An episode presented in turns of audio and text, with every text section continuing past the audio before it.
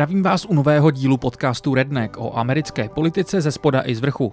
Původně jsem chtěl dneska probrat důkladně dvě témata, ale nakonec se mi jedno tak natáhlo, že druhé raději odložím na příště, abych je obě mohl probrat opravdu důkladně. Dnešní díl bude o nejnovější výrazné kauze šokujícím způsobem zastřeleného afroameričana.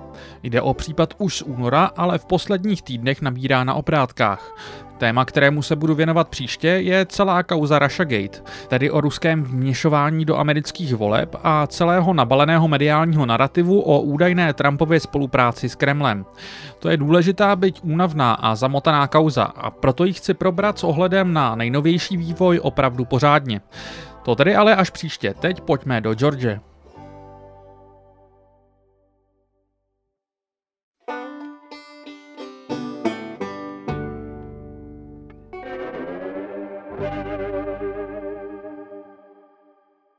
23. února letošního roku byl v Satilla Shores v Georgii zastřelen 25-letý afroameričan jménem Ahmad Arbery. Jeho smrt měl na svědomí 34-letý Travis McMichael a jeho o 30 let starší otec Gregory. Arbery ho podezřívali z toho, že je pachatelem několika loupeží v okolí. Jejich cílem prý bylo zadržet Arberyho a zavolat policii. Takovéto takzvané občanské zatčení, citizens arrest, je v Georgii legální. Nicméně během jejich pokusu o zadržení došlo k potyčce a Arbery byl zastřelen. Místní policie tvrdí, že byla připravena oba McMichaely zadržet, ale po konzultaci s okresní prokurátorkou Jackie Johnson jim bylo řečeno, že nikoho zadržovat nemají. Kancelář Jackie Johnson toto popírá, nicméně několik dní poté se případu vzdala kvůli potenciálnímu střetu zájmu. Starší z mužů, Gregory McMichael, totiž ještě před rokem, než odešel do důchodu, pracoval jako vyšetřovatel právě pro tuto kancelář. Za zmínku také určitě stojí, že v druhé polovině 80. let sloužil u místního policejního sboru. Ani druhý prokurátor, George Barnhill, nedoporučoval McMichaely zadržet. I ten se o několik týdnů později případů zřekl, taktéž z důvodu potenciálního střetu zájmu. Jeho syn pracoval po boku McMichaela pro kancelář místní prokuratury. Ani třetí prokurátor Tom Darden, který se případu ujal 13. dubna, neměnil kurz. Proč je tedy Arberyho smrt tento měsíc jednou z nejpropíranějších kaus v amerických médiích? Může za to nové video, které bylo zveřejněno. Zaznamenává moment jeho zastřelení. Video natočil soused McMichaelů jménem William Bryan. Poskytnuto bylo místní rozhlasové stanici, překvapivě na poput samotného Gregoryho McMichaela. On i právník Alan Tucker, který video poskytl médiím, podle všeho očekávali, že pomůže oba McMichaely očistit. Stanice WGIG zveřejnila kritickou 630 vteřinovou část videa na svém webu, ale záhy stáhla jako příliš explicitní. Mezitím už ale video kolovalo po YouTube a Twitteru. Pokud vás jen tak něco nerozhodí, schválně si video najděte.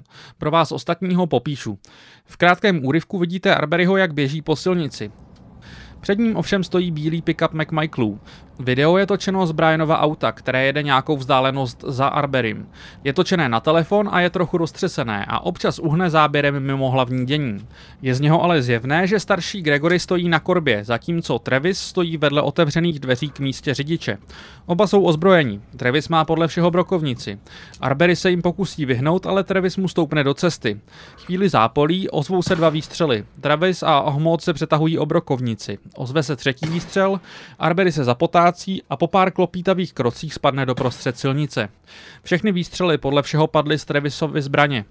Jeho otec svoji zbraň pouze držel. Během několika hodin po zveřejnění videa 5. května se prokuratura konečně odhodlala jednat. Tom Darden sdělil, že chce, aby případ stanul před takzvanou velkou porotou, která by měla rozhodnout o žalobě. Nicméně kvůli pandémii koronaviru jsou všechny velké poroty v Georgii odloženy až přibližně do poloviny června.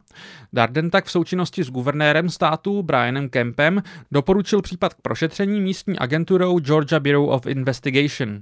Ta případ přijala a hned 7. května se rozhodla Gregoryho a Trevise McMichaelovi zadržet za podezření z vraždy a násilného napadení. Teď trocha kontextu. Arbery v oblasti prý jen jogoval. Chvíli před potyčkou se měl zastavit v rozestaveném domě poblíž. To potvrzují záznamy z bezpečnostních kamer z tohoto staveniště. Na nich vidíte Arberyho, jak se rozlíží po staveništi a pak odchází, aniž by se čehokoliv dotknul. Majitel rozestaveného domu Larry English potvrdil, že šlo o opakovaný problém. Jeho bezpečnostní kamery zaznamenaly za poslední rok celou řadu lidí, kteří nahlédli do jeho rozestavené budovy.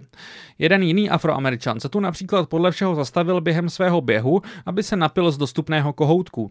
English pro CNN zdůrazňuje, že on sám z ničeho Arberyho neobvinoval a nepodezříval. Sám jeho záběry prý viděl až po Arberyho smrti. Všechno ale komplikuje SMS výměna, ke které mělo dojít na konci loňského roku.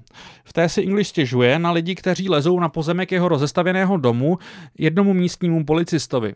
Ten mu odpověděl, že jeho sousedem je právě bývalý policista a vyšetřovatel Gregory McMichael a doporučil, ať se mu ozve v jakoukoliv denní dobu, v momentě, kdy zaznamená na svém pozemku cizího člověka. Ani ne dva týdny před Arberyho smrtí pak někdo, kdo se představil jako Travis McMichael, volal na místní nouzovou linku, aby oznámil, že viděl někoho zacházet do Englishovy nemovitosti. Sám English říká, že podle záznamů nebyl schopný člověka identifikovat a sám případ policii nehlásil. Podle jeho právničky by mělo jít právě o zmíněného afroameričana, který se v minulosti měl jít na pozemek napít. McMichaelové tvrdí, že jim Arbery připomínal údajného pachatele nedávných vloupání v této oblasti. Podle policejních záznamů bylo poslední vloupání zaznamenáno 7 týdnů před Arberyho smrtí.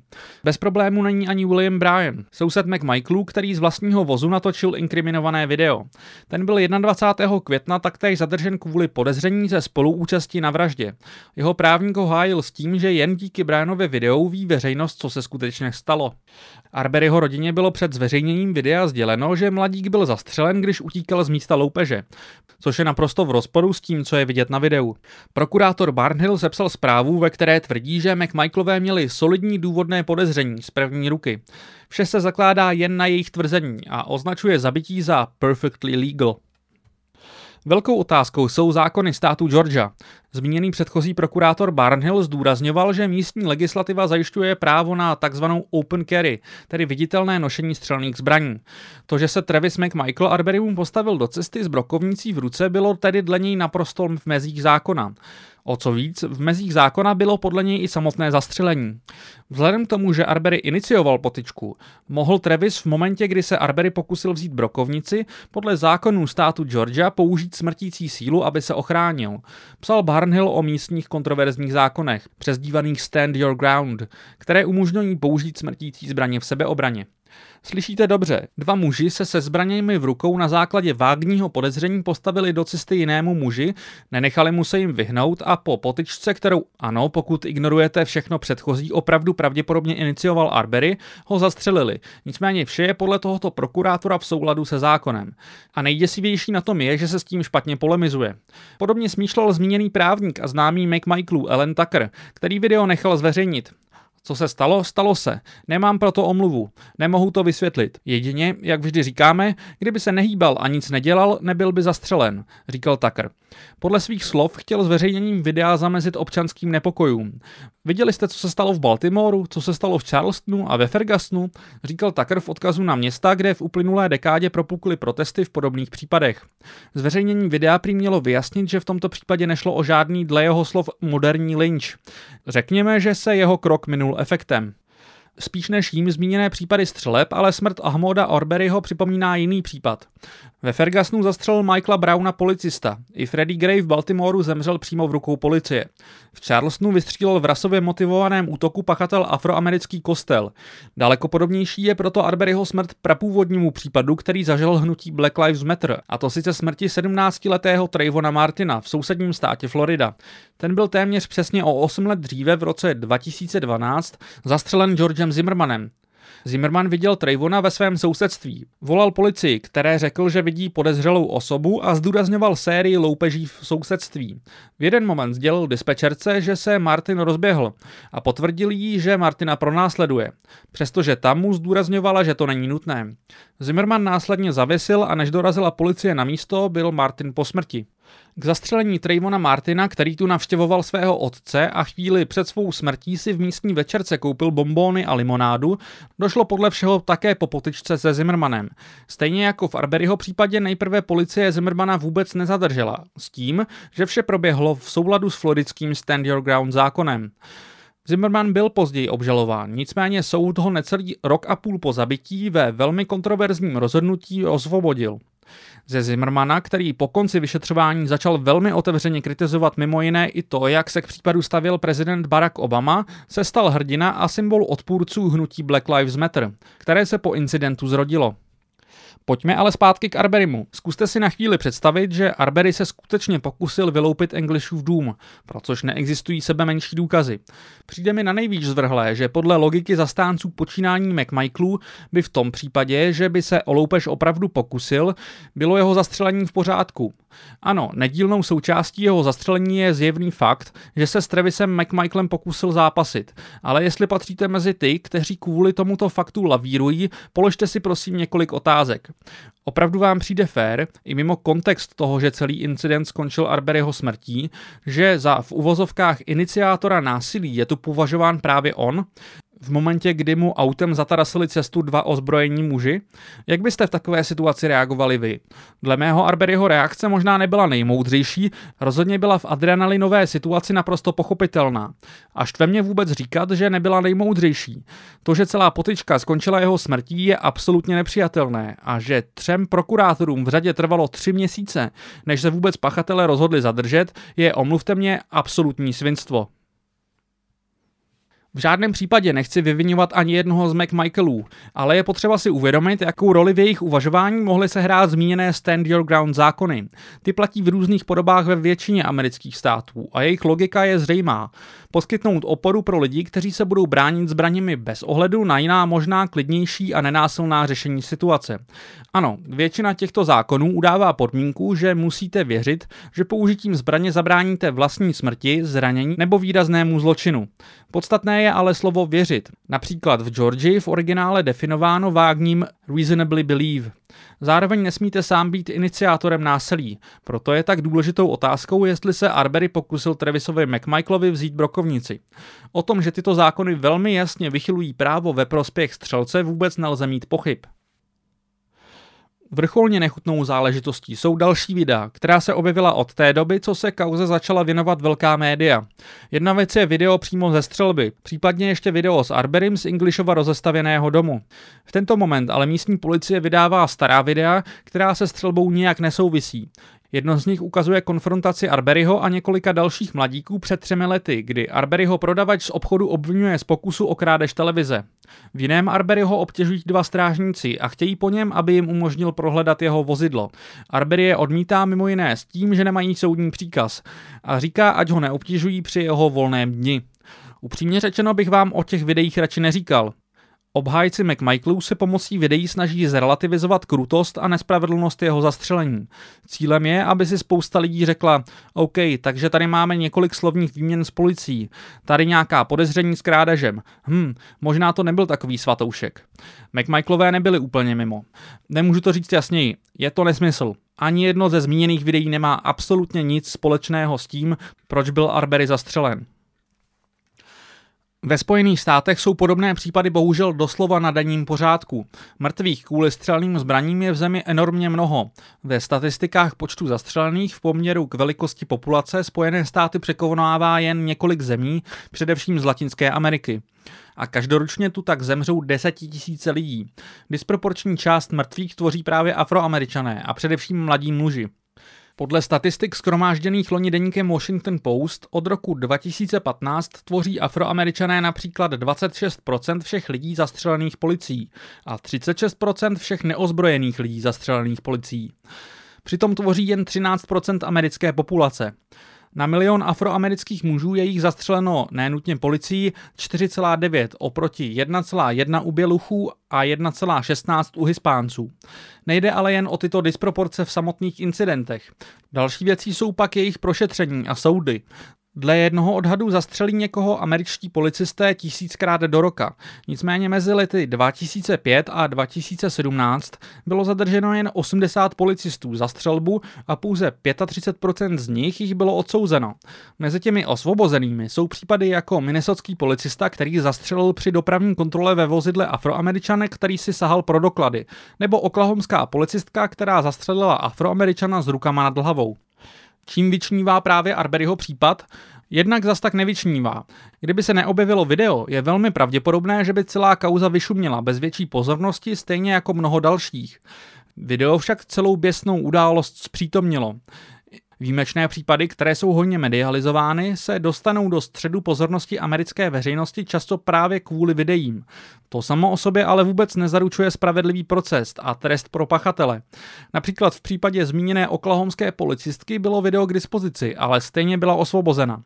Video nám nikdy nic nezaručilo. Stejně jako fotografie z linčů, jejich šíření zvyšuje povědomí o rasistických vraždách, ale zároveň traumatizuje Černou Ameriku, ať už je spravedlnost dosažená či nikoliv. Píše William C. Anderson na serveru Truthout. Obávám se, že v míře pozornosti hraje roli taky fakt, že je volební rok. Ostatně ke kauze už se vyjádřil jak Donald Trump, tak Joe Biden. Je to velmi znepokojivá situace, řekl Trump pro Fox News o Arberyho smrti. Nebyl by to ale Trump, aby v zápětí nezdůraznil, že podle něj tato konfrontace mohla být obhajitelná něčím, co jsme ve videu neviděli. Biden pro změnu tweetoval, video je jasné, Ahmad Arbery byl chladnokrevně zabit. Soucítím s jeho rodinou, která zasluhuje spravedlnost a to okamžitě. Je na čase, aby byla jeho vražda rychle, plně a transparentně prošetřena. Jediný problém s voláním po spravedlivém procesu po Arberyho zabití je ten, že je otázka, co to vzhledem k platným zákonům znamená. Vkrádá se tu nepříjemná, ale bohužel relevantní myšlenka, že v tomto případě, ale i v mnoha dalších, není případně problém jen v úsudku poroty a spravedlnosti u soudu, ale v samotných zákonech, podle kterých je spoustu těchto zabití naprosto legální. A ještě jedna věc úplně na závěr. V minulém díle jsem doporučoval různá americká média, mezi nimi také časopis American Conservative. Skválně jsem se koukal, jak mají tuto kauzu pokrytou, protože člověk by předpokládal, že se jí budou vědomat spíše liberální a levicová média. Narazil jsem tak na malinký článek od Roda Drera s přiloženým videem Arberyho smrti. Arbery nebyl podezřelý, byl jen černý, píše tu Drer. V dodatku článku pak píše následující běsnou anekdotickou historku. Dnes ráno jsem zjistil, že naše rodinná kamarádka, střední třída, křesťanka, afroameričanka, přemýšlí o tom, že se se svým manželem a dětmi odstěhuje do jedné rurální oblasti na jihu, nedaleko většího města, ve kterém teď žijí. Byli varováni, ať to nedělají, protože běloši, kteří tam žijí, nechtějí, aby tam žili černoši a jsou ochotní tento stav hájet násilím. Tato kamarádka sleduje, jak bílí muži protestují se zbraněmi, aby se mohli nechat ostříhat při koronaviru a myslí na to, že se její rodina nemůže odstěhovat do konkrétní oblasti, protože její manžel a starší synové se budou muset bát zastřelení naštvanými bílými muži. Je to šílené a nespravedlivé, ale takhle vypadá život mnoha černochů v Americe a neměli bychom na to zapomínat, píše Dreher. Takže za svým doporučením American Conservative i Drera, se kterým se opravdu velmi často neschodnu, si opravdu stojím.